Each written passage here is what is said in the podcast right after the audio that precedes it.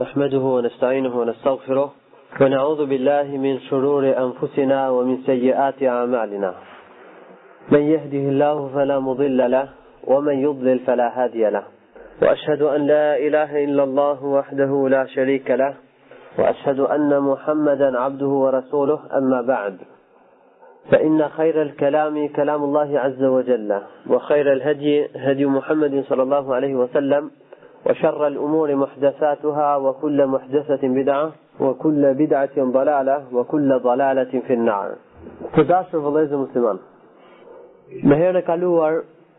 Kemi shpjeguar dy ajete, të cilat i ftojnë njerëzit që të adhurojnë vetëm Allahun e Lartësuar dhe t'i largohen çdo gjëje që adhurohet përveç Allahut subhanahu wa taala. Ta ta njësojnë Allahun subhanahu wa taala në adhurim. Në vijim do të përmendim disa argumente të tjera të cilat tregojnë për adhurimin e Allahut subhanahu wa taala të vetëm. Prej këtyre ajeteve është fjala e Allahut të Lartësuar wa qada rabbuka alla ta'budu illa iyyah wa bil walidayni ihsana. Zoti jot Zoti jot ka urdhëruar, ka porositur që Mos të adhurohet askush tjetër përveç Allahut subhanahu wa taala. Dhe që të silleni mirë me prindërit. Që të silleni mirë me prindërit, të respektoni prindërit. Ka thënë Mujahid rahimahullah, fjala e Allahut të Lartësuar në këtë ajet qada, domethënë wasa. Ai porositi. Pra ka porositur Zoti juaj që të mos adhuroni askë tjetër përveç Allahut të Lartësuar. Kurse Ibn Abbasi radhiyallahu anhu ka thënë fjala e Allahut të Lartësuar qada domethënë emera, urdhëroi. Pra, Zoti juaj ose Zoti jot ka urdhëruar që mos të adhuroni askë tjetër përveç tij. Edhe që të silleni mirë me prindërit. Domethënia e ajetit është se Allahu i lartësuar ka urdhëruar dhe ka porositur dhe na ka obliguar që mos të adhurojmë asgjë tjetër përveç tij dhe të sillemi mirë me prindërit. Fjala që është përmendur në ajet wa qada qada në fjallë domethënë ka caktuar ka obliguar, ka porositur, ka urdhëruar fjala qada në gjuhën arabe ose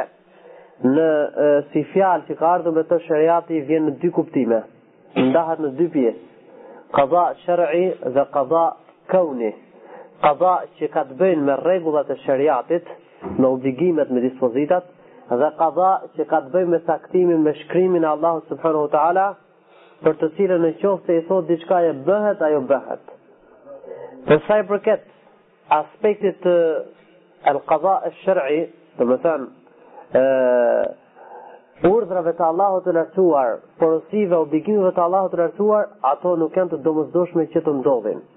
Mundet që të zbatohen dhe mundet mos të zbatohen. Por mbi të gjitha, në qoftë se Allahu i Lartësuar urdhëron për për ndonjë gjë, porosit për diçka, apo i obligon njerëzit për diçka, ai e don atë. Kurse për sa i përket aspektit të el qada el kauni, domethënë caktimit dhe shkrimit të Allahut të lartësuar për t'u bërë diçka, në këtë rast ajo zbatohet. Pra në qoftë se Allahu i lartësuar cakton apo vendos që të bëhet diçka, Ajo patjetër bëhet. Edhe ndoshta mund të jetë diçka që e don Allahu i lartësuar, apo diçka që nuk e don Allahu i lartësuar. Të japim shembull për të parë dhe për të dytën në mënyrë që të kuptohet më mirë. Për të parën kemi fjalën e Allahut të lartësuar wa qada rabbuka alla ta'budu illa iyyah. Zoti jot ka bërë qada, domethënë Domethënë, ka obliguar, ka urdhëruar dhe ka porositur që mos të adhuroni askënd tjetër përveç tij. Obligimi, urdhri dhe porosia e Allahut të lartësuar nuk do thotë që ajo të zbatohet në të drejtën e çdo personi, domethënë ta zbatojnë çdo njeri. Mund të ndodhë të zbatohet, realizohet, edhe mundet mos të zbatohet, mos të realizohet. Po mbi të gjitha ato e don Allahu i lartësuar. Prandaj ka njerëz që adhurojnë Allahun e lartësuar dhe ka të tjerë që nuk e adhurojnë Allahun e lartësuar, që do të thotë se çështjet që kanë të bëjnë me shariatin e Allahut të lartësuar nuk është kusht që të zbatohen, që të realizohen. Mund të realizohen dhe mundet mos të realizohen. Të japim një shembull për rastin kur el qada ka të bëjë me caktimin e Allahut të lartësuar që përfshin çdo gjë dhe që në qoftë se Allahu i lartësuar vendos apo cakton diçka me qada kauni patjetër do të ndodhi dhe do të realizohet. Për shembull për këtë kemi fjalën e Allahut të lartësuar wa qadayna ila bani israila fil kitab la tufsidunna fil ardi marratayn wa la ta'lunna 'uluwan kabira. Ne u kemi bërë kada Benu Israilve në Libër, domethënë, kemi caktuar, kemi shkruar Benu Israilve në Libër, se ju do të përhapni shkatërrim fesad në tokë dy herë, dhe se do të, do të bëni tirani në tokë, dhe do ta tepronin në kryelartësi. Pra Allahu i Lartësuar ka caktuar dhe ka shkruar se Banu Israil ka shkruar në libër se Banu Israilët do të bëjnë padrejtësi në tokë, do të përhapin shkatërrim fesad në tokë. Ky është caktim që ka vjen ky është kada që ka bën me caktimin me dëshirën e Allahut subhanahu wa taala që patjetër zbatohet. Pra ka caktuar kështu patjetër që ajo do të zbatohet. Dhe Banu Israilët Kanë vepruar dhe do të veprojnë ashtu sikur se ka caktuar Allahu subhanahu wa taala për ta. Pra për ta. Pra el qada el kauni, el qada që ka të bëjnë me aspektin e caktimit, shkrimit, patjetër zbatohet. Dhe ndoshta e don Allahu i lartësuar, ndoshta nuk e don ato Allahu i lartësuar. Por lind pyetja, si ka mundësi që të caktohet ose të bëhet qada dhe të vendosë Allahu i lartësuar për diçka që që nuk e don. Themi se gjërat për sa i përket dashurisë së Allahut të lartësuar janë janë dy llojesh. Janë gjëra që Allahu i lartësuar i don, i don për vet ato, domethënë ato vet me fjalë janë të mira dhe Allahu i lartësuar i don ato, dhe ka të tjera të cilat nuk duhen në në vete, domethënë ato, porse për arsye të tjera Për urtësi dhe interesa të tjera të cilat janë jashtë tyre dhe që arrihen me anë të tyre, Allahu i lartësuar i don ato. I japim shembull për këtë. Ë caktimi ose vendosja e Allahut të lartësuar që benu Israilët të përhapin shkatërrim në tokë. Kjo në vetvete nuk është e dashur për Allahun subhanahu wa taala. Por duke marrë parasysh urtësitë, interesat dhe dobitë që i përfshin ky caktim dhe kjo vendosje e Allahut subhanahu wa taala, Allahu i lartësuar e don. Pra, kemi të bëjmë me gjëra të cilat nga një aspekt Allahu i lartësuar nuk i don, por nga një aspekt tjetër Allahu i lartësuar i don. Nuk i don ato për shkak se ato vetë janë të këqija, por duke marrë parasysh se ato të çojnë dhe të arrijnë ose realizohet me anë të tyre gjëra të cilat janë të dashura për Allahun subhanahu wa taala, ato janë të dashura. Japim një shembull tjetër për këtë.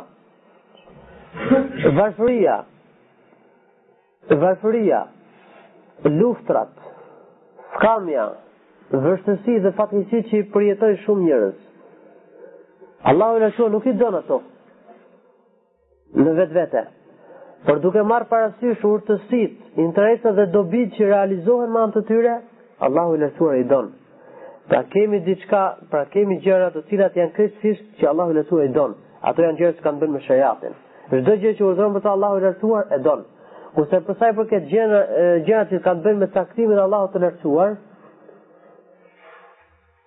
ato Ka gjëra që Allahu i Lartësuar i don krejtësisht, e këto janë gjërat e sheriatit, dhe ka të tjera të cilat ë në vetvete nuk i don, porse duke marrë parasysh se ato të çojnë dhe të përcjellin në gjëra të mira, Allahu subhanahu wa taala i don. Për shembull, sikurse thashë, përhapja e shkatërrimit në tokë. Për shembull, Krijimi i shejtanit, për shembull, kufri, mëkatet dhe haramet, të gjitha këto janë gjëra të cilat Allahu i lartësuar në vetvete nuk i don. Pra, këto gjëra janë të padashura për Allahun e lartësuar, por duke marrë parasysh se me anë të tyre arrihen urtësi dhe qëllime që janë të dashura për Allahun e lartësuar, Allahu i lartësuar i ka caktuar dhe e, e, me fjalë i ka shkruajtur ato dhe i ka krijuar ato. Pra, në këtë mënyrë mund të kuptojmë se kemi diçka e cila nga një aspekt është e dashur dhe nga një aspekt tjetër nuk është e dashur. Mund të lind pyetja si mundet që diçka të jetë e dashur për një nga njëra anë dhe mund të dhe është e urrejshme ose e padashur nga ana tjetër. Dhe do të jap një shembull më konkret për ta afruar këtë. Për shembull, një person në qoftë se është një është i smur. Dhe i thot mjeku, i thot mjeku që patjetër duhet pish to ilaçe. Sepse po nuk i pive këto ilaçe ty do të shtohet sëmundja edhe më shumë. Pirja e ilaçeve të idhta është diçka e urrejtshme për nefsin, nuk e pëlqen. por duke marrë parasysh dobia që realizohet me anë të ilaçeve, është diçka e dashur për të. Pra nga një aspekt është e padashur, por nga aspekti tjetër është diçka e dashur. Japim një shembull tjetër. Në qoftë se një doktor i thotë një pacienti, pra një personi i thotë që duhet patjetër të presësh këmbën, sepse këmba të është infektuar. Dhe në qoftë se nuk e pret, atëherë infektimi do të kalojë në pjesë të tjera të trupit dhe mundet që të vdesësh. Prerja e këmbën për këtë këmbës për këtë person është e urrejshme, por duke marrë parasysh urtësinë dhe qëlli ose urtësinë dhe qëllimin që arrin, ose dobinë që arrin me anë të prirë prerjes së këmbës, bëhet diçka e dashur dhe diçka që ai e dëshiron. A në këtë mënyrë ti mund të kuptosh se vërtet në caktimin, shkrimin dhe krijimin e Allahut të lartësuar, ka gjëra të cilat në vetvete janë të këqija, por e keqja e tyre është e pjesshme, jo absolute. sepse me anë të tyre arrihen urtësi, qëllime dhe dobi, të cilat Allahu i lartësuar i don dhe në fjalë dhe inkurajon për to. E, dhe kështu mund të kuptojmë kuptojmë shejtanin. Në fjalë shejtani në vetvete është i keq, por duke marrë parasysh gjërat që realizohen me anë të tij, urtësitë, interesat, dobitë që arrihen me anë të tij, Allahu i lartësuar e dëshiron një gjë të tillë. Kështu mund të kuptosh kufrin, mëkatet, mosbesimin, të gjitha këto duhet të kuptohen në këtë aspekt. Nuk ka të keqe absolute në krijimin e Allahut subhanahu wa taala. Por e keqja është e pjesshme dhe e keqja është për sa u përket krijesave. Kurse për sa i përket veprimeve të Allahut dhe krijimit të tij nuk është e keqe, sepse Allahu i Lartësuar e ka krijuar duke marrë parasysh urtësinë dhe dobitë që rrjedhin prej saj. apo që realizohen me anë të saj, dhe sikur mos të ishin këto gjëra, atëherë nuk do të realizoheshin këto dobi. Dhe për shembull shumë njerëz pyet bëjnë pyetje pse është krijuar shejtani? Pse a kupton ekzistojnë mëkatet e gjëra të tilla? Ne duke marrë parasysh duke qëndruar vetëm në disa dobi, kuptojmë a kupton urtësitë madhështore të Allahut subhanuhu teala në krijimin e këtyre krijesave. Me anë të shejtanit arrihet që të ketë qafira të ketë edhe musliman dhe muslimanët të përpiqen t'i përmbahen rrugës të drejtë, të fitojnë shpërblim edhe të njëjën me fjalë të adhurojnë Allahun e Lartësuar sa më shumë, do bëhet përleshja ndërmjet të drejtës dhe të padrejtës. Do ketë njerëz që do mbështesin të drejtën dhe njerëz që nuk do mbështesin të drejtën. Në këtë formë do krijohet edhe xhihadi në rrugë të Allahut të Lartësuar, edhe davja. Pra krijohen shumë prej llojeve të adhurimit që në qoftë se nuk do të ekzistonte shejtani apo nuk do të ekzistonte disa gjëra të tjera, ato nuk do të ishin krijuar. Nuk do të ishin realizuar. Tjetër, duke ekzistuar shejtani, disa njerëz do bëjnë mëkate, do të meritojnë ndëshkimin e Allahut të lartësuar. E disa të tjerë do bëjnë mëkate, do pendohen tek Allahu i lartësuar. Pendimi i këtyre njerëzve tek Allahu i lartësuar është më i dashur se gjendja e tyre para se të vepronin mëkatet. Pra, dua të them se duke studiuar thellësisht caktimin e Allahut të lartësuar, Vërejmë se çdo gjë është vendosur në vendin e saj dhe për çdo gjë ka urtësi, qoftë ajo e mirë apo e keqe për ne. Qoftë e mirë apo e keqe për ne. Një çështje tjetër që ka që ka të bëjë me ajetin është se në ajet Allahu subhanahu wa taala ka thënë: "Wa qada rabbuka alla ta'budu illa iyyah." Zoti jot Ka urdhëruar, ka porositur, që mos të adhuroni askënd tjetër përveç Tij. Në fillimin e ajetit i është drejtuar profetit, ka thënë Zoti jot. Pastaj kur ka arritur ke adhurimi, ke urdhri për të adhuruar vetëm Zotin, ka thënë që mos të adhuroni. Pra në fillim të ajetit është drejtuar profetit, Kurse në fundin e tij vërejmë se u është drejtuar të gjithë njerëzve. Ç'është dobia e kësaj mënyre të të shprehurit? Dijetarët kanë përmendur katër dobi. E para është për të tërhequr vëmendjen. Dhe tërheqja e vëmendjes së atij që po i flet është shumë e rëndësishme. Edhe në Kur'an shpesh Allahu subhanahu wa taala përdor shprehje të tilla me anë të cilave u tërheq vëmendjen njerëzve, që të dëgjojnë dhe të marrin atë që e thotë Allahu i Lartësuar në ajetet e Tij. Dobia e dytë është se Profeti sallallahu alaihi wasallam është i pari ose prisi i të gjithë umetit të tij. Dhe urdhri për Muhamedin sallallahu alaihi wasallam është urdhër për të gjithë umetin e tij. Këshilla që ia drejton Allahu i Lartësuar Muhamedit sallallahu alaihi wasallam është këshillë për të gjithë umetin e tij. Dobia e tretë është se Me anë të këtij ajeti ne kuptojmë se çdo urdhër që i është bërë profetit sallallahu alaihi wasallam, çdo këshillë që Allahu i lartësuar ia ka drejtuar Muhamedit sallallahu alaihi wasallam, ajo është për të gjithë umetin e tij. Vetëm në qoftë se kemi ndonjë argument që tregon se ky urdhër apo kjo ky rregull është i veçantë për Muhamedin sallallahu alaihi wasallam. Pra në përgjithësi, në qoftë se i dërguari sallallahu alaihi wasallam urdhërohet për diçka, urdhri Ndaj tij është urdhër për të gjithë ymmetin e tij, vetëm në qoftë se gjejmë ndonjë argument që veçon Muhamedin sallallahu alaihi wasallam me këtë rregull. Prandaj ju dini shumë argumente prej tyre është fjala e Allahut të lartësuar, fjala e Muhamedit sallallahu alaihi wasallam, "Wa inna Allaha amara al-mu'minina bima amara bihi al-mursalin." Dhe Allahu i lartësuar i ka urdhëruar besimtarët për atë që i ka urdhëruar të dërguarit. Dobia e katërt dhe e fundit që vërejmë në këtë mënyrë të shprehurit është fakti që në këtë ajet Allahu i lartësuar na tregon neve se i dërguari i tij Muhamedi sallallahu alaihi wasallam është krijesë e tij. Është rob i Allahut të lartësuar dhe jo krijues. Jo Zot, jo i adhuruar përveç Allahut të lartësuar Sikurse shumë njerëz i kanë marrë të i kanë marrë profetët, engjëjt e të tjerë prej krijesave të adhuruar përveç Allahut të lartësuar. Pra me anë të këtij ajeti Allahu i lartësuar u tregon të gjithë besimtarëve se Muhamedi sallallahu alaihi wasallam është prej njerëzve që kërkohet prej tij të jetë rob i Allahut të lartësuar. Të adhurojnë Allahun e lartësuar, të jetë ndërmjet atyre që adhurojnë Allahun e lartësuar, dhe ai nuk është krijues. Ai nuk e meriton adhurimin. Ai nuk duhet të adhurohet përveç Allahut subhanahu wa taala. Nuk ka dyshim që nderimi më i madh për Muhamedin sallallahu alaihi wasallam është të qenurit e tij rob i Allahut të lartësuar. Të qenurit e tij ndërmjet robëve të Allahut të lartësuar. Sepse robëria ndaj Allahut të lartësuar është cilësia më e lartë që i atribuohet robit. Prandaj, në shumë ajete në Kur'an Në shumë ajete në Kur'an dhe pikërisht në vende të veçanta, në pozita të larta, Muhamedi sallallahu alaihi wasallam është cilësuar rob i Allahut të lartësuar.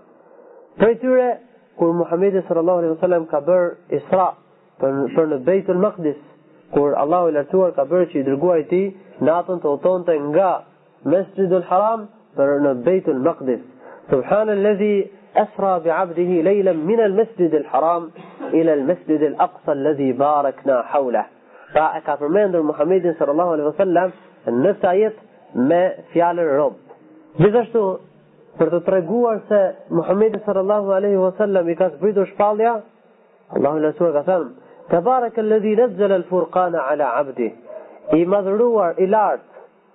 është ai i cili e zbriti Kur'anin El Furqan mbi robin e tij. Muhammedin sallallahu alaihi wasallam. Kur i ka sfiduar Kurejshët, pra mushrikët e Mekës dhe të gjithë ata të cilët mohojnë Kur'anin, përgënjeshtrojnë Kur'anin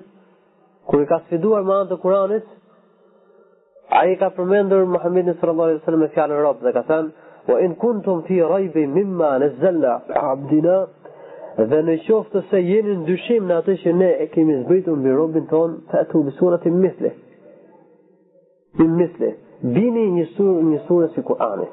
Pra edhe këtu e ka përmendur Muhammedin sallallahu alaihi wasallam me fjalën rob, që tregon se nderimi më i madh që i bëhet Muhammedit sallallahu alaihi wasallam është të qenurit e tij rob i Allahut të lartësuar. Dhe cilësimi e atribuimi i tij se ai është rob i Allahut subhanahu wa taala. Kurse ngritja e tij mbi këtë shkallë, me i dhënë atij cilësi hyjnore,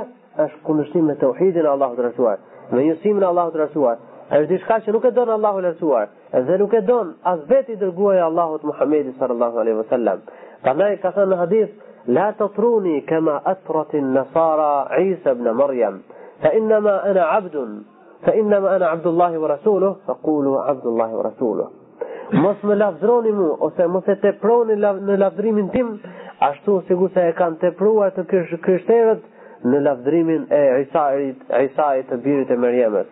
Unë jam rob i Allahut dhe i dërguar i tij, andaj thoni rob i Allahut dhe i dërguar i tij.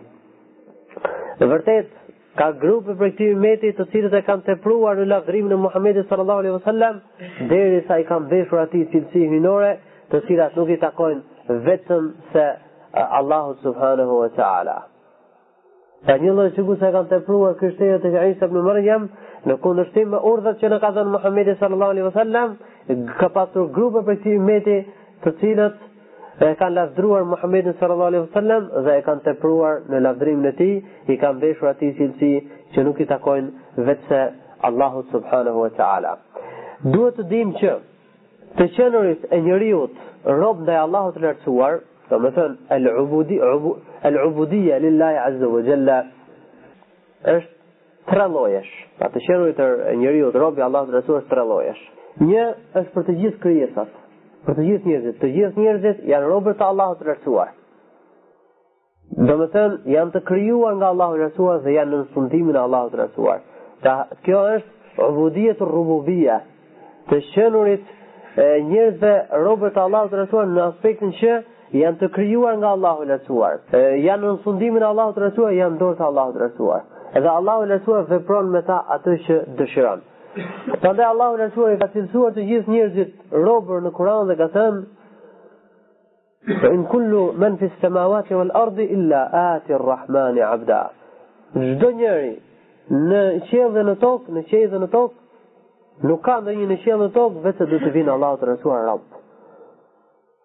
Pra i ka cilësuar të gjithë njerëzit robër ndaj Allahut të lartësuar. Në kuptimin që ata janë të krijuar nga Allahu i lartësuar. Janë nën sundimin dhe pushtetin e Allahut të lartësuar dhe Allahu i lartësuar vepron me ta atë që të dëshirojë. Lloji i dytë i të qenurit rob i Allahut të lartësuar është el ubudietul khasa, është të qenurit rob, rob i Allahut të lartësuar i veçantë. Kjo është për besimtarët. Domethënë, cilësohen besimtarët si robër të Allahut të lartësuar, ndryshe nga qafirat. Në disa vende në Kur'an Allahu i Lartësuar i cilëson besimtarët robër të Allahut të Lartësuar dhe nuk përfshin aty qafirat, jobesimtarët. Ka thënë Allahu i Lartësuar në Kur'an: "Wa ibadur rahmani alladhina yamshuna 'ala al-ardi hawna wa idha khatabahum al-jahiluna qalu salama." Dhe robërit e Gjithëmëshirshmit Rahmanit janë ata të cilët kur ecin në tokë Ata të cilët ecin në tokë të thjesht, modest, jo kryelart. Dhe kur u flasin atyre, kur u flasin atyre injorantët të paditurit, pra kur i ofendojnë, kur i poshtrojnë, kur i shajnë injorantët të paditurit, ata u thonë selam. Pra, u thonë paq dhe nuk u përgjigjin atyre në të njëjtën formë apo në të njëjtën mënyrë. Edhe e fundit, lloji i fundit është El ubudijetu khasatil khasa, që bën fjalë për profetët, të qenurit e profetëve, robër të Allahut të lartësuar. Kjo është më e veçanta, ose këta janë më të veçantit e të veçantëve. Sepse kanë arritur kulmin e të qenurit robër ndaj Allahut subhanahu wa taala. Kulmin e adhurimit ndaj Allahut të lartësuar, nënshtrimit e përuljes Allahu subhanahu wa taala. Kanë arritur atë që nuk arrin njerëzit e tjerë, robërit e tjerë të Allahut të lartësuar. Prandaj në shumë ajete në Kur'an, Allahu i lartësuar i përmend të dërguarit e tij me këtë cilësi. Ne përmendëm disa ajete në të cilat i dërguari i Allahut Muhammedi sallallahu alaihi wasallam është përmendur me cilësinë rob. Po ashtu Allahu i Lartësuar ka thënë për Nuhun alayhi salam, "Innahu kana 'abdan shakura." Vërtet, ai ka qenë me fjalë, rob falënderues mirënjohës ndaj Allahut subhanuhu teala. Pra e ka cilësuar me fjalën e tij rob. Gjithashtu Allahu i Lartësuar ka thënë për disa profetë në Kur'an, "Wadhkur 'ibadana Ibrahima wa Ishaqa wa Yaqub." Dhe përkujto robërit tanë Ibrahim, Ismail, Ishaq dhe Jakub. Profetët e Allahut të lartësuar të gjithë këta i ka cilësuar Allahu i lartësuar me fjalën e tij robër. Që tregon se të qenurit e njeriut rob ndaj Allahut të lartësuar, nënshtrimi i, i robit ndaj Allahut të lartësuar Nënshtrimi i njeriut ndaj Allahut të Lartësuar është gradë e lartë për të. Është vlerësim për të, është ngritje për të dhe nuk është ulje për të. Ulje për njeriun është t'u robërohet krijesave, të bëhet robër i krijesave, të bëhet rob i kësaj dynjaje, të adhurojë këtë dynja. Kurse ngritje për njeriun është të jetë rob i Allahut të Lartësuar, të jetë rob ndaj atij që e meriton që krijesat të jenë robër ndaj tij. Prandaj Ky ka qenë mesazhi i shokut të Muhamedit sallallahu alaihi wasallam që ua ka përcjellë të gjithë njerëzve mbarë. Rubi ibn Amir radhiyallahu anhu kur ka vajtur tek Kisra, Kisra perandori i romakëve, e, i ka treguar atij për qëllimin e, e lëvizjes së tyre dhe xhihadit të tyre dhe i ka thënë ne kemi ardhur që t'i nxjerrim njerëzit nga adhurimi i kësaj dynjaje Pra, nga adhurimi i zotrave të kësaj dynjaje, i zotrave për në adhurimin e krijuesit të çdo gjëje, adhurimin e Allahut të lartësuar. Dhe nga padrejtësia e feve, rrymave, ideve të ndryshme për në drejtësinë e fesë islame.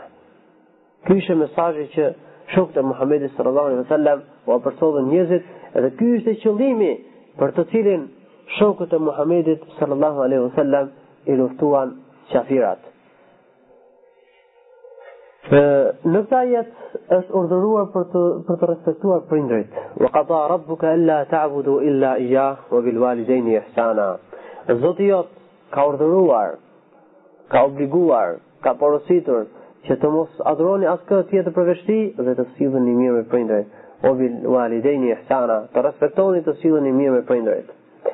Fakti që bindja dhe respekti ndaj prindërve është përmendur krahas adhurimit të Allahut të Lartësuar tregon se Ë respekti ndaj prindërve ka rëndësi të madhe në Islam. Dhe e drejta, ë detyrimi i dytë i njeriut pas detyrimit që ka ndaj Allahut të lartësuar është detyrimi ndaj prindërve. Me respektuar prindërit, me ju bindur prindërve, me u sjell mirë me prindërit. Prandaj në këtë ajet ka ka përmendur disa Edukata apo disa sjellje të cilë me të cilat duhet pajiset besimtari, njeriu në lidhje me prindërit e tij. Ka thënë Allahu i Lartësuar në Kur'an: "Wa imma yablughanna 'indaka al-kibara ahaduhuma aw kilahuma fala taqul lahumā uffin wa la tanharhumā." Dhe në qoftë se do ta arrijë moshën e pleqërisë ndonjëri prej tyre apo që të dy ata dhe ti je i gjallë, Mos u thuaj fjalë të ashpra atyre.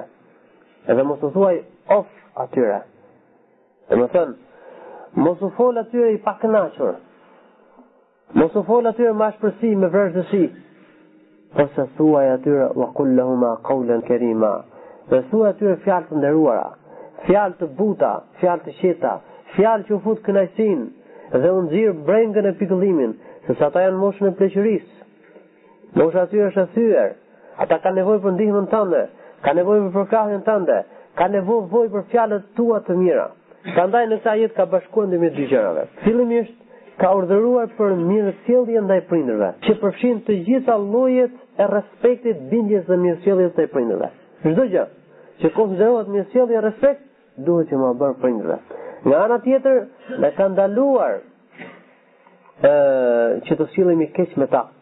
Domethënë t'u bëjmë të keqe prindërve, të jemi keqbërës ndaj prindërve, të sillemi keq me prindërit, qoftë me fjalë apo me vepra, qoftë me fjalë apo me vepra.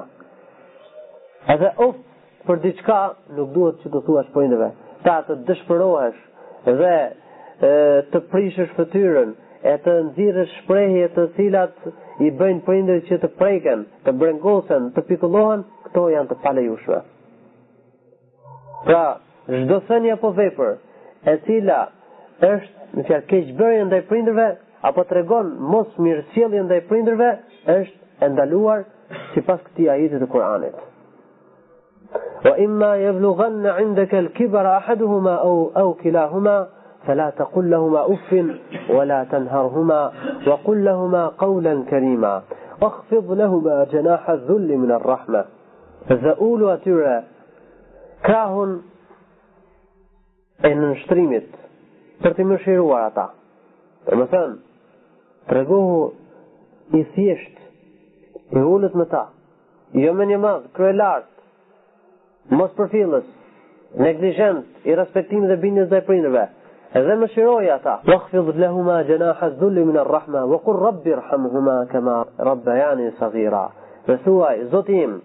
Mëshiroji ata ashtu sikurse më edukuan mua kur unë isha i mitur, isha i vogël. Pra të lutesh për prindërit, të sillesh mirë me prindërit, me të gjitha llojet e e mirësjelljes dhe respektit. Mos u bësh keq prindërve, qoftë me thënie apo me vepër. Të përpiqesh që t'u futësh gëzimin, kënaqësinë në zemrat e prindërve edhe jo t'u thuash atyre fjalë të ashpra e të vrazhda, të cilat të cilat i bëjnë prindërit që të brengosen, të pikëllohen, të mërziten e të hidhërohen. Të ulesh, të jesh i thjeshtë, të jesh modest me ta. Të nënshtrohesh. Dhe mos jesh kryelartë, mendjemadh. Nuk janë neglizhent ndaj shërbimit të tyre. T'i mëshirosh ata, edhe të lutesh Allah, t'i lutesh Allahut të lartësuar për ta. T'i kërkosh Allahut të lartësuar që të mëshirojë, t'i mëshirojë dhe t'i falë ata. Ashtu sikurse ata të edukuan ty kur ti ishe i vogël. Pra, pikërisht në këtë ajet ka përmendur rastin kur prindërit janë në kohën e pleqërisë. Sepse ajo është koha që ata kanë nevojën për mua dhe për ty. Sepse atëherë nuk kanë më përkrahje, nuk mundën që ata vetë të mbajnë vetet e tyre. Kanë nevojë për përkrahjen e të tjerëve, për ndihmën e të tjerëve. Kanë nevojë për thëniet e mira të tona, kanë nevojë për veprat e mira të tona, kanë nevojë për mirësjelljen, respektin tonë. Prandaj ne duhet të kujtojmë vegjëlinë tonë, kohën kur ata na kanë edukuar neve dhe të jemi falënderues e mirënjohës e t'u shërbejmë atyre në kohën e pleqërisë së tyre. Dhe duhet të dish se Kjo është si borxh. Në qoftë se ti, në qoftë se ti nuk i respekton dhe nuk sillesh mirë ndaj prindërve, ndoshta kjo do të jetë shkak që edhe fëmijët tu më vonë mos të sillen mirë ndaj teje. Dhe ti, ashtu sikurse nuk i kënaqe prindërit tu, mund të vijë një kohë që pri, që fëmijët tu mos të kënaqen ty. Ashtu sikurse je sjellur keq ndaj prindërve tu, Mund të vijë një kohë që fëmijët tu të sillen keq me ty. Prandaj është thënë se prej gjërave që ndëshkimin e kanë të shpejtë është mosrespektimi i prindërve. Pra, prej gjërave që Allahu i lartuar e përshpejton ndëshkimin e tyre në këtë dynja para ahiretit është mosrespektimi i prindërve. Prandaj vëllezër, le të respektojmë prindërit. Dhe unë kam vërë vërejtur se një ndër shkaqet për moshyrjen e dritës së Islamit dhe udhëzimin në shumë prej familjeve është Se shumë vëllezër nuk dinë se si të sillen me prindërit e tyre, nuk dinë se si të ë të fusin gëzimin, kënaqësinë, islamin në familjet e tyre. Pra, a kupton menjëherë sapo merr disa urdhra, sapo njeh diçka prej fesë islame, sillet në një mënyrë të keqe me prindërit, i keqtrajton prindërit dhe a kupton kuptojnë ata se kjo fe që ka ardhur ky me të, a kupton nuk paska respekt në të, nuk paska mëshirë e mirësjellje në të, Dhe normalisht që kjo mund të bëhet një ndër shkaqet që të pengohet udhëzimi ndaj tyre. Prandaj vëllezër, le të sillemi mirë me prindërit në mënyrë që ky të jetë një ndër shkaqet që ata të futen në fenë e Allahut të lartësuar. Në shumë ajete në Kur'an Allahu i lartësuar ka përmendur krahas adhurimit ndaj tij, ka përmendur respektimin dhe mirësjelljen ndaj prindërve. Për shembull, fjala e Allahut të lartësuar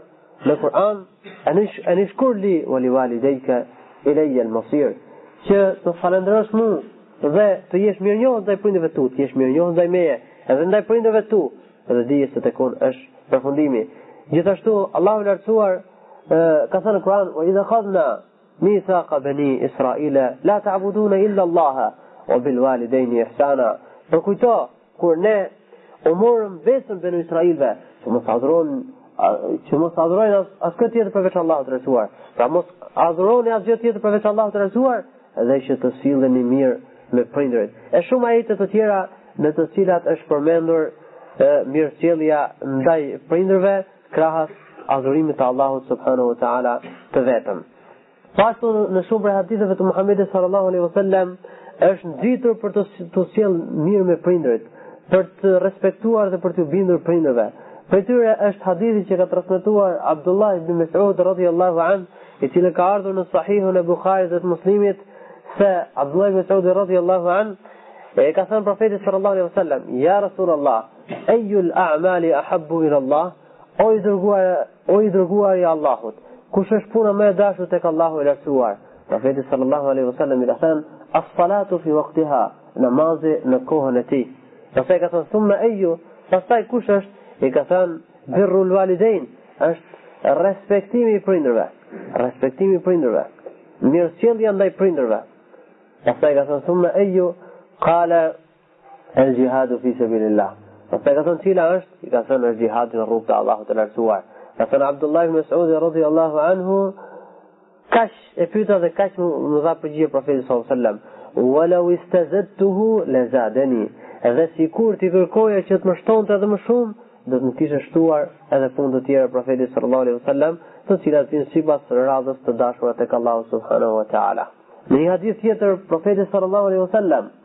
ka lajmëruar se prej mëkateve më të mëdhaja është mosrespektimi i prindërve. Madje menjëherë mas shirkut, shirkut të madh është mosrespektimi i prindërve.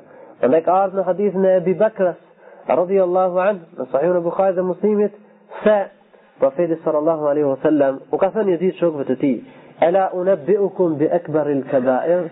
Qalu bala ya Rasulullah.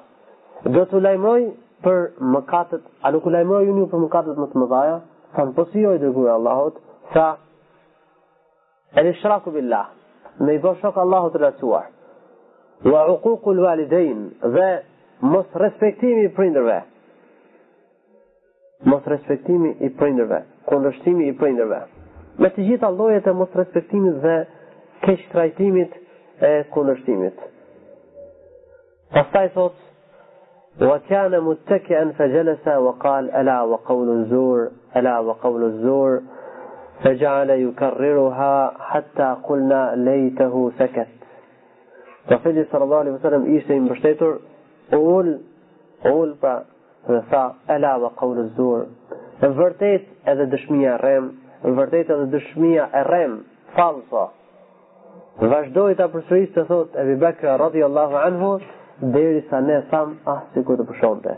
E përsëriti shumë profeti sallallahu alaihi wasallam. Pra, në këtë hadith është përmendur se ndër mëkatet më të mëdhaja është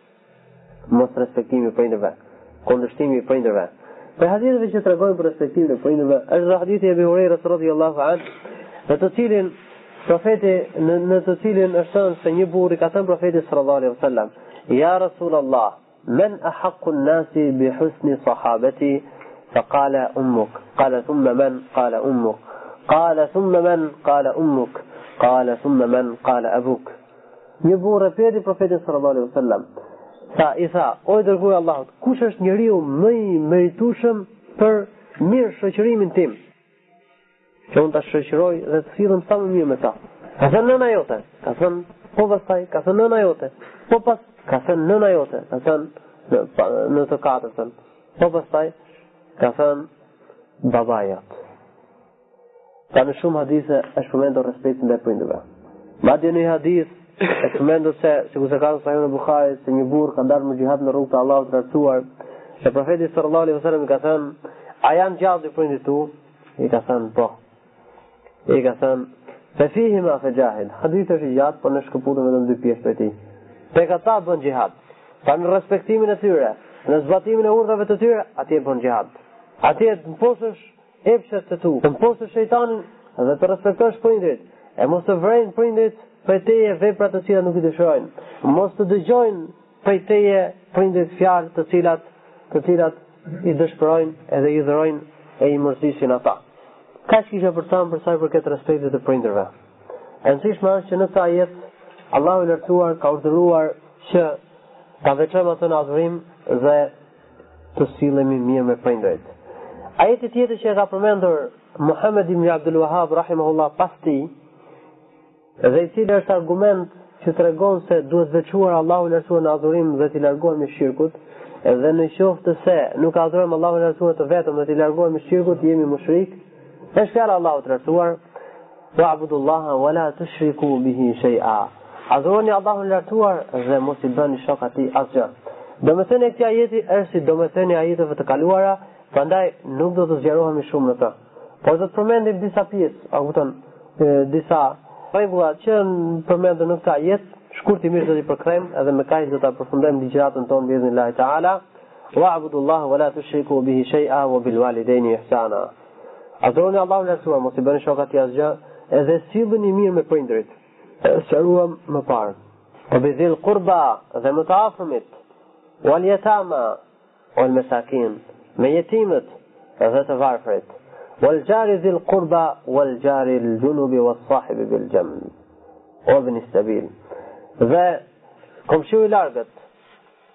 Dhe ai që është pranë. Dhe ai i cili është nëpër rrugë, domethënë Ibn Sabil, udhëtari i cili a kupton ka humbur plaçkat e tij apo pasurinë e tij apo ka mbetur në rrugë.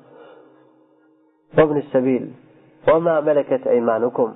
Dhe ata, dhe ata të cilët janë nën pronësinë posedimin tuaj, domethënë për robërit, skllevërit, të sillemi mirë me ta, Inna Allaha la yuhibbu man kana mukhtalan fakhura. Vërtet Allahu i lartësuar nuk i don ata të cilët janë kryelart, janë mendjemëdhenj, janë mburravec. Ata të cilët nuk i njohin të drejtat e njerëzve, nuk janë ë nuk nuk e njohin respektin ndaj njerëzve, nuk sillen mirë me njerëzit, nuk i mëshirojnë njerëzit, por që janë kryelart, nënvlerësues, poshtrues, mburravec, këta Këta lloj njerëzish nuk i don Allahu subhanahu wa taala. E lus Allahun e lartësuar që të na bëjë dobi me këtë që dëgjuam. E lus Allahun e lartësuar që të na bëjë prej atyre të cilëve i nënshtrohemi, përulemi Allahut të lartësuar me adhurim, prej atyre të cilëve i respektojnë prindërit dhe e fitojnë kënaqësinë e prindërve. Desha që të diskutoj, diskutoj rreth një çështje, e cila nuk ka të bëjë me temën tonë, por Është e rëndësishme që të flasim për ta. Realiteti është që kjo çështje ka nevojë për një ligjëratë, një bisedë të gjerë, por ne do të flasim shkurtimisht rreth saj inshallah në disa pika. Nuk ka dyshim që umeti jonë është duke kaluar ngjarje tragjedike. Ngjarje të vështira. Këto kanë filluar që para disa dekadash apo ku ka filluar prapambetja, dekadenca e muslimanëve dhe vazhdon. Sprova të njëpasnjëshme, vuajtje, luftra e trazira. Nuk ka dyshim që të gjitha këto janë prej shenjave të Kiametit. Prej shenjave të Kiametit janë sprovat e shumta, trazirat edhe luftrat. Këto janë përmendur në shumë prej haditheve të Muhamedit sallallahu alaihi wasallam. Prandaj unë dëshiroj që të përmend dy tre hadithe që tregojnë për sprovat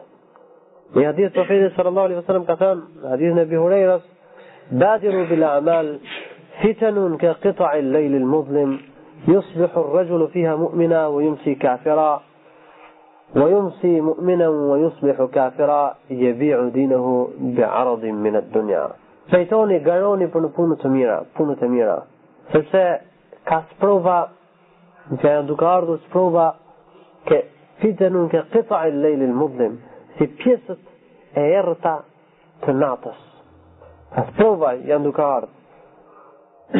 Sprova prej të cilave njeriu gdhihet besimtar musliman dhe ngryset qafir. Ngryset musliman dhe gdhihet qafir. E shet fenë e tij për një pasuri a për një plaçkë, Mashtruse të kësaj dynjaje. Allahu i lartësuar na ruajt prej saj. Ka transmetuar Usametu Ibn Zeid radhiyallahu anhu se profeti sallallahu alaihi wasallam ka hipur një herë në një kodër apo një vend të lartë në Medinë dhe u ka thënë shokëve të tij, "Hel tarawna ma ara?" A shikoni atë që unë shikoj? Kan thënë, "Jo." Ka thënë, "Inni ara al-fitan taqa'u Khilale bujutikum ke wak'il matar. Ka thënë unë shikoj sprovat duke zbritur mbi shpijat tuaja sikurse zbret shiu. Në hadithin e Ummu Selemet radhiyallahu anha profeti sallallahu alaihi wasallam është zgjuar, pra ka thënë Ummu Selemet është zgjuar i trembur dhe ka thënë سبحان الله ماذا انزل الله من الفتن سبحان الله ماذا أنزل الله من الخزائن إلى سوى إن شاء الله رسوع سا فنزيمي تي كهابر ذا سا سبروغة تي بويز بات سبحانه وتعالى من يوقظ صواحب الحجرات فيصلينا فرب كاسية في الدنيا عارية في الآخرة كش يزيون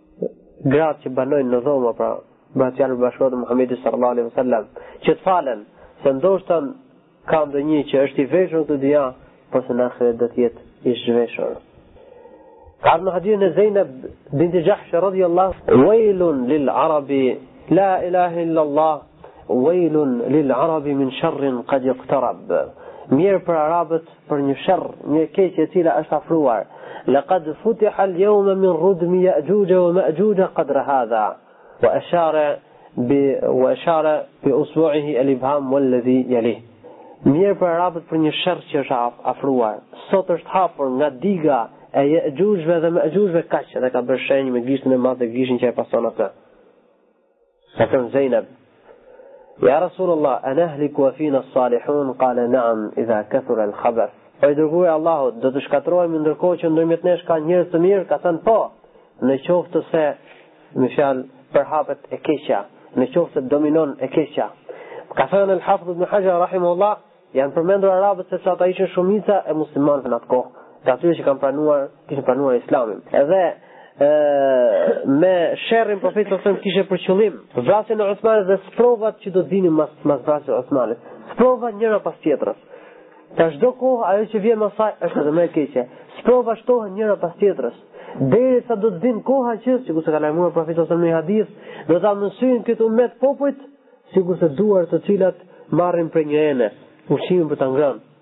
Satadaa alejkum al-umam kama tadaa al-akalatu ila qas'atiha. Qalu aw min qillati nahnu yawma idh ya Rasulullah? Qala la, walakinnakum ghutha'un ka ghutha'i as-sayl. Do t'ju sulmojnë juve popujt ashtu sikurse duart të cilat marrin ushqimin prej një ene. Kanë thënë, a pse jemi pak ne atëherë o i dërguar i Allahut? Ka thënë, jo, Ju jeni shumë, porse ju jeni si shkuma, si shkuma e përroit apo e lumit që del mbi ujë, që nuk ka asnjë farë vlere. Jenzianne Allahu el-mehabete min suduri a'daikum, wa le jakdhifenne fi kulubikumul vehen.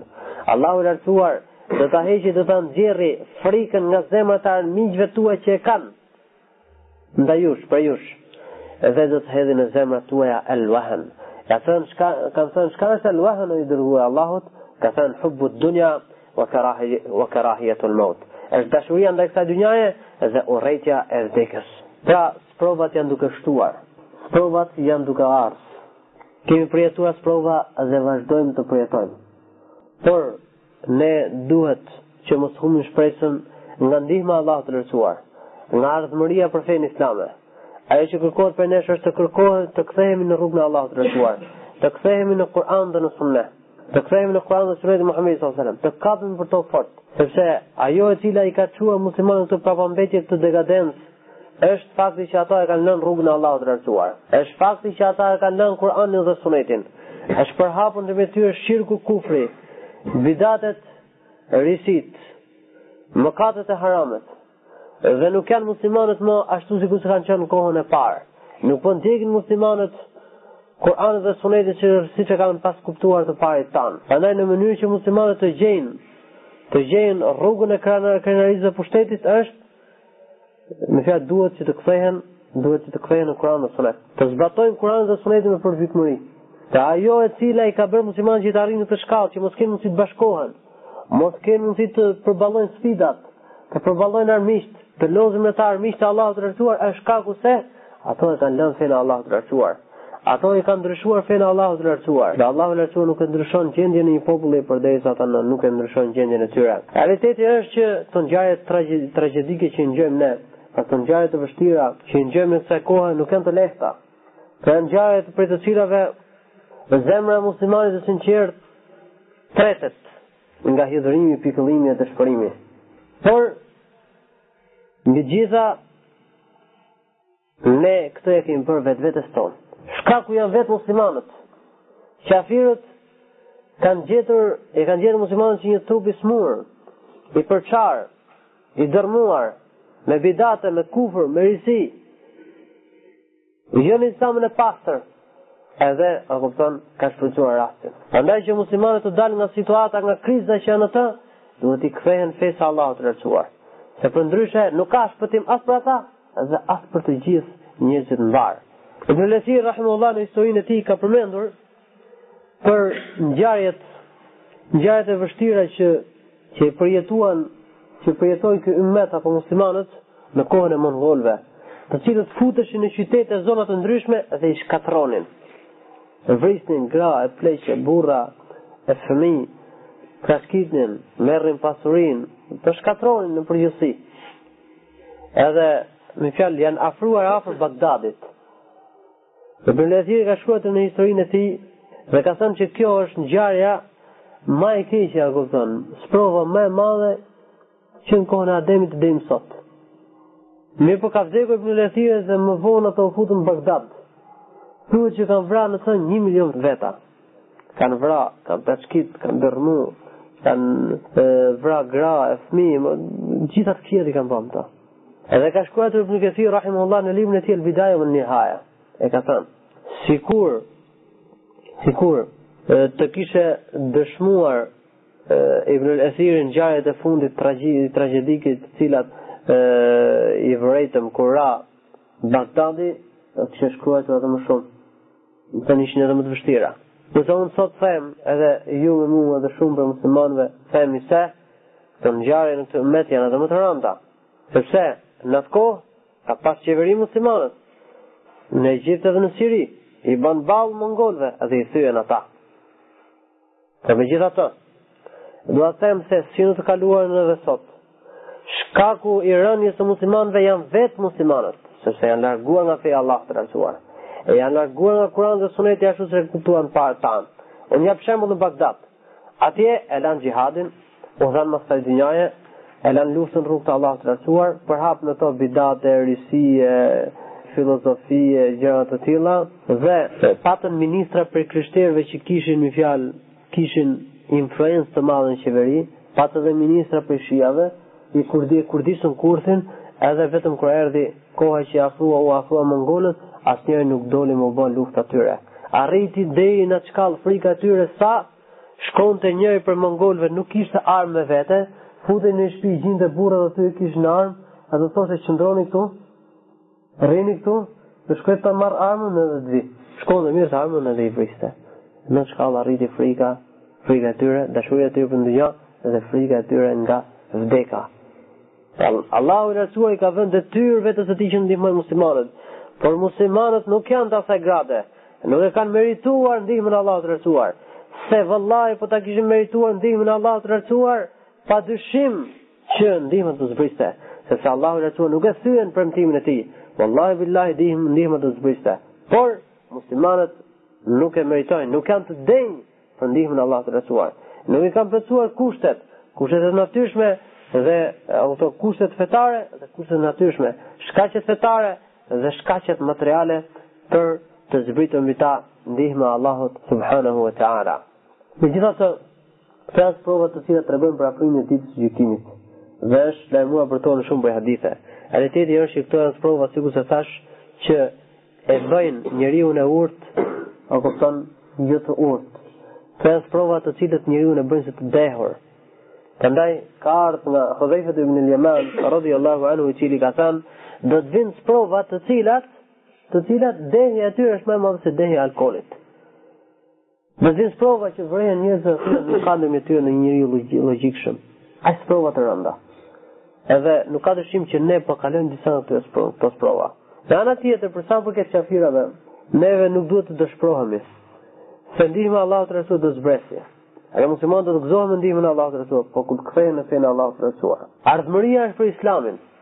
Dhe muslimanët janë duke u kthyer në fenë e Allahut të Lartësuar.